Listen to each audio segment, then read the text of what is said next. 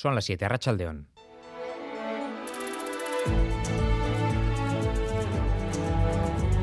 En Radio Euskadi, Gambara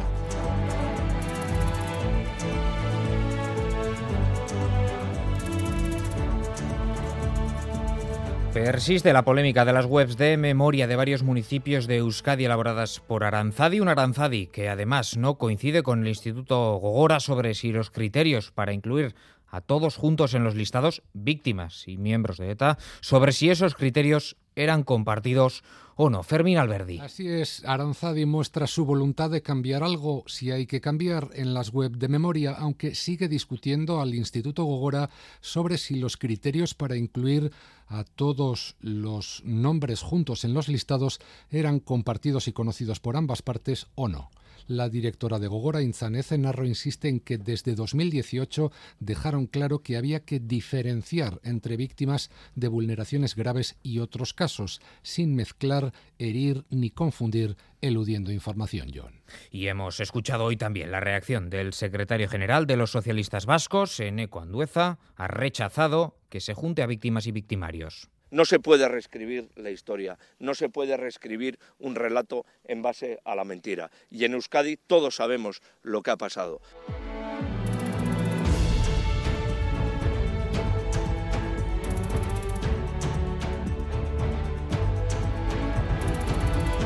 Seguimos con memoria histórica. La familia Zabalza, junto a asociaciones de memoria, alcaldes de la zona y la red de torturados de Navarra, han denunciado el ascenso del guardia civil Arturo Espejo Valero. Y Doya Zabalza es la hermana de Miquel. Es un jarro de agua fría, una ofensa y nos deja bien claro que estamos exactamente en el mismo punto que estábamos hace 37 años, ante un muro que no dejarán derribar. El gobierno ha preferido elegir tortura en vez de verdad y justicia. Espejo Valero fue precisamente el guardia civil que dirigió la detención y el interrogatorio de Miquel Zabalza en el cuartel de Inchaurrondo.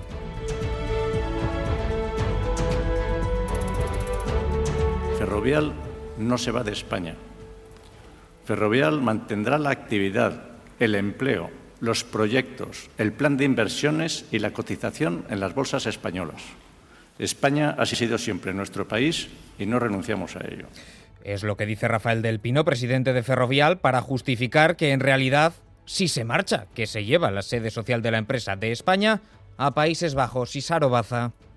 Eso es, Rafael del Pino asegura que España ha sido siempre el país de Ferrovial y que no renuncian a eso por su traslado. Reafirma que la mudanza no se basa en motivos fiscales, sino meramente competitivos y que seguirán contribuyendo fiscalmente. Con el sí de la mayoría de los accionistas se confirma lo que se esperaba. Ferrovial cambiará su sede social a Países Bajos. El Gobierno respeta la decisión, pero seguirá trabajando para atraer inversiones. Además, recuerda que la constructora se ha beneficiado de ayudas y contratos públicos.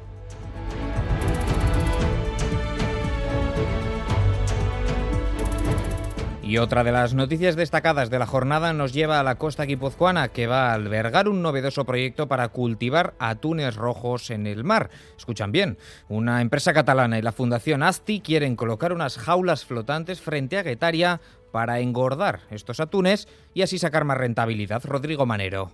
Lo enclavamos también dentro de una estrategia contra la despoblación. ¿no? Estamos trabajando en diferentes ámbitos y este es uno más. Escuchábamos en este caso a Carlos Bueno, que es presidente de la Junta de AEZCOA, porque en Navarra la selva de Irati podría convertirse el próximo año en reserva de la biosfera.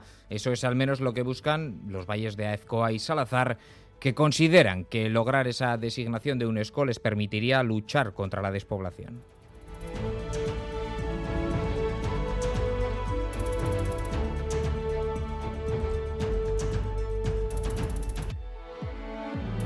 Ahora sí, Rodrigo Manero, hablamos de ese proyecto para engordar atunes y sacar más rentabilidad a su pesca. Sí, será una mezcla, salvando las distancias, entre almadraba y piscifactoría flotante. Unas jaulas a las que los arranchales llevarán los atunes que pesquen con redes vivos. Allí pasarán varios meses engordando, hasta que cojan un buen tamaño para salir al mercado. Ya se hace en el Mediterráneo y la técnica se ha adaptado para que aguante las condiciones del Cantábrico. Si logra la licencia medioambiental, las pruebas empezarán frente a Guetaria en septiembre y en dos años podrían producir hasta 500 toneladas de atún rojo. Y es tiempo ya para los titulares del deporte con una cita importantísima clave para Basconia. John Hernández, Arrachaldeón. Arrachaldeón, así es. El Cazú Basconia buscará en el Pireo un triunfo que valga el billete al top 8. Se enfrentan al líder, el Olympiacos de Georgios Barzokas y los de Peñarroya dependen de ellos mismos para estar entre los ocho mejores. Si ganan, están dentro. Si pierden, habrá que esperar eh, mañana una derrota del Zalgiris en Múnich. El partido se jugará hoy a partir de las 8 de la tarde. En los hombres de negro ha hablado Nikola Radicevic, el héroe del pasado domingo con su triple final ante el Barcelona, advierte que si se confían lo van a pasar muy mal el sábado en Fuenlabrada. Y un apunte también del fútbol, Osasuna juega mañana en Vallecas ante el Rayo, los de Yago Barrasate contarán con cuatro bajas, las de Lucas Toro, Rubén García, Chimi Ávila y por supuesto la de Darko Brasanach.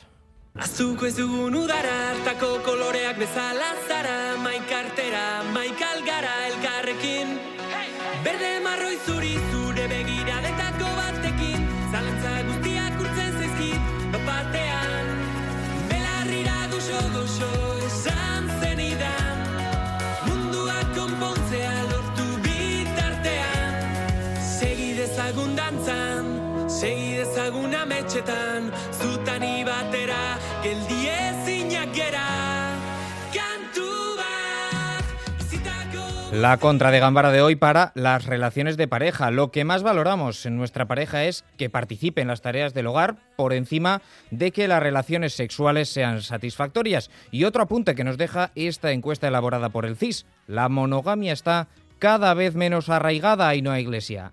La pregunta que indirectamente nos hace el CIS es, ¿ha pasado de moda la monogamia? Según la encuesta, al 47,6% de la ciudadanía le parece bien que alguien tenga más de una relación afectivo-sexual a la vez. Eso sí, ya en nuestro caso personal...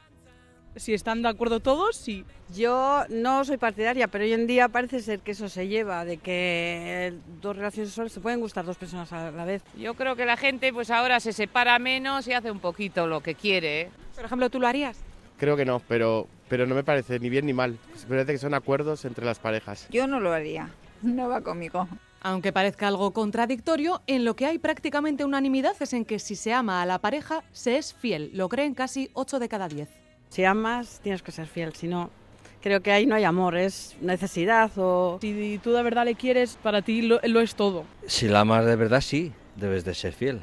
Esa es la teoría, aunque después la realidad a veces nos la desmonta que parecía que eran para toda la vida y de repente pues no, que tenía otra vida diferente, con otra persona. Las redes sociales son cada vez una forma más común de conocer gente y por qué no empezar relaciones, pero ¿nos podemos enamorar de alguien que solo conocemos por internet? El CIS lo ha preguntado y tres de cada diez creen que sí.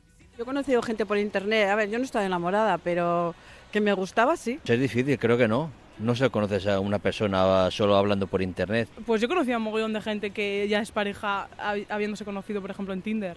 Otra de las cuestiones interesantes es a qué aspectos damos más importancia a la hora de iniciar una relación en pareja. Para 8 de cada 10, que no se implique en las tareas domésticas es lo más importante. Para 7 de cada 10, lo es que las relaciones sexuales no sean satisfactorias. La mitad de ciudadanos no da ninguna importancia a que la otra persona sea poco atractiva. Es al menos lo que han respondido en esta encuesta de relaciones sociales y afectivas post pandemia del CIS.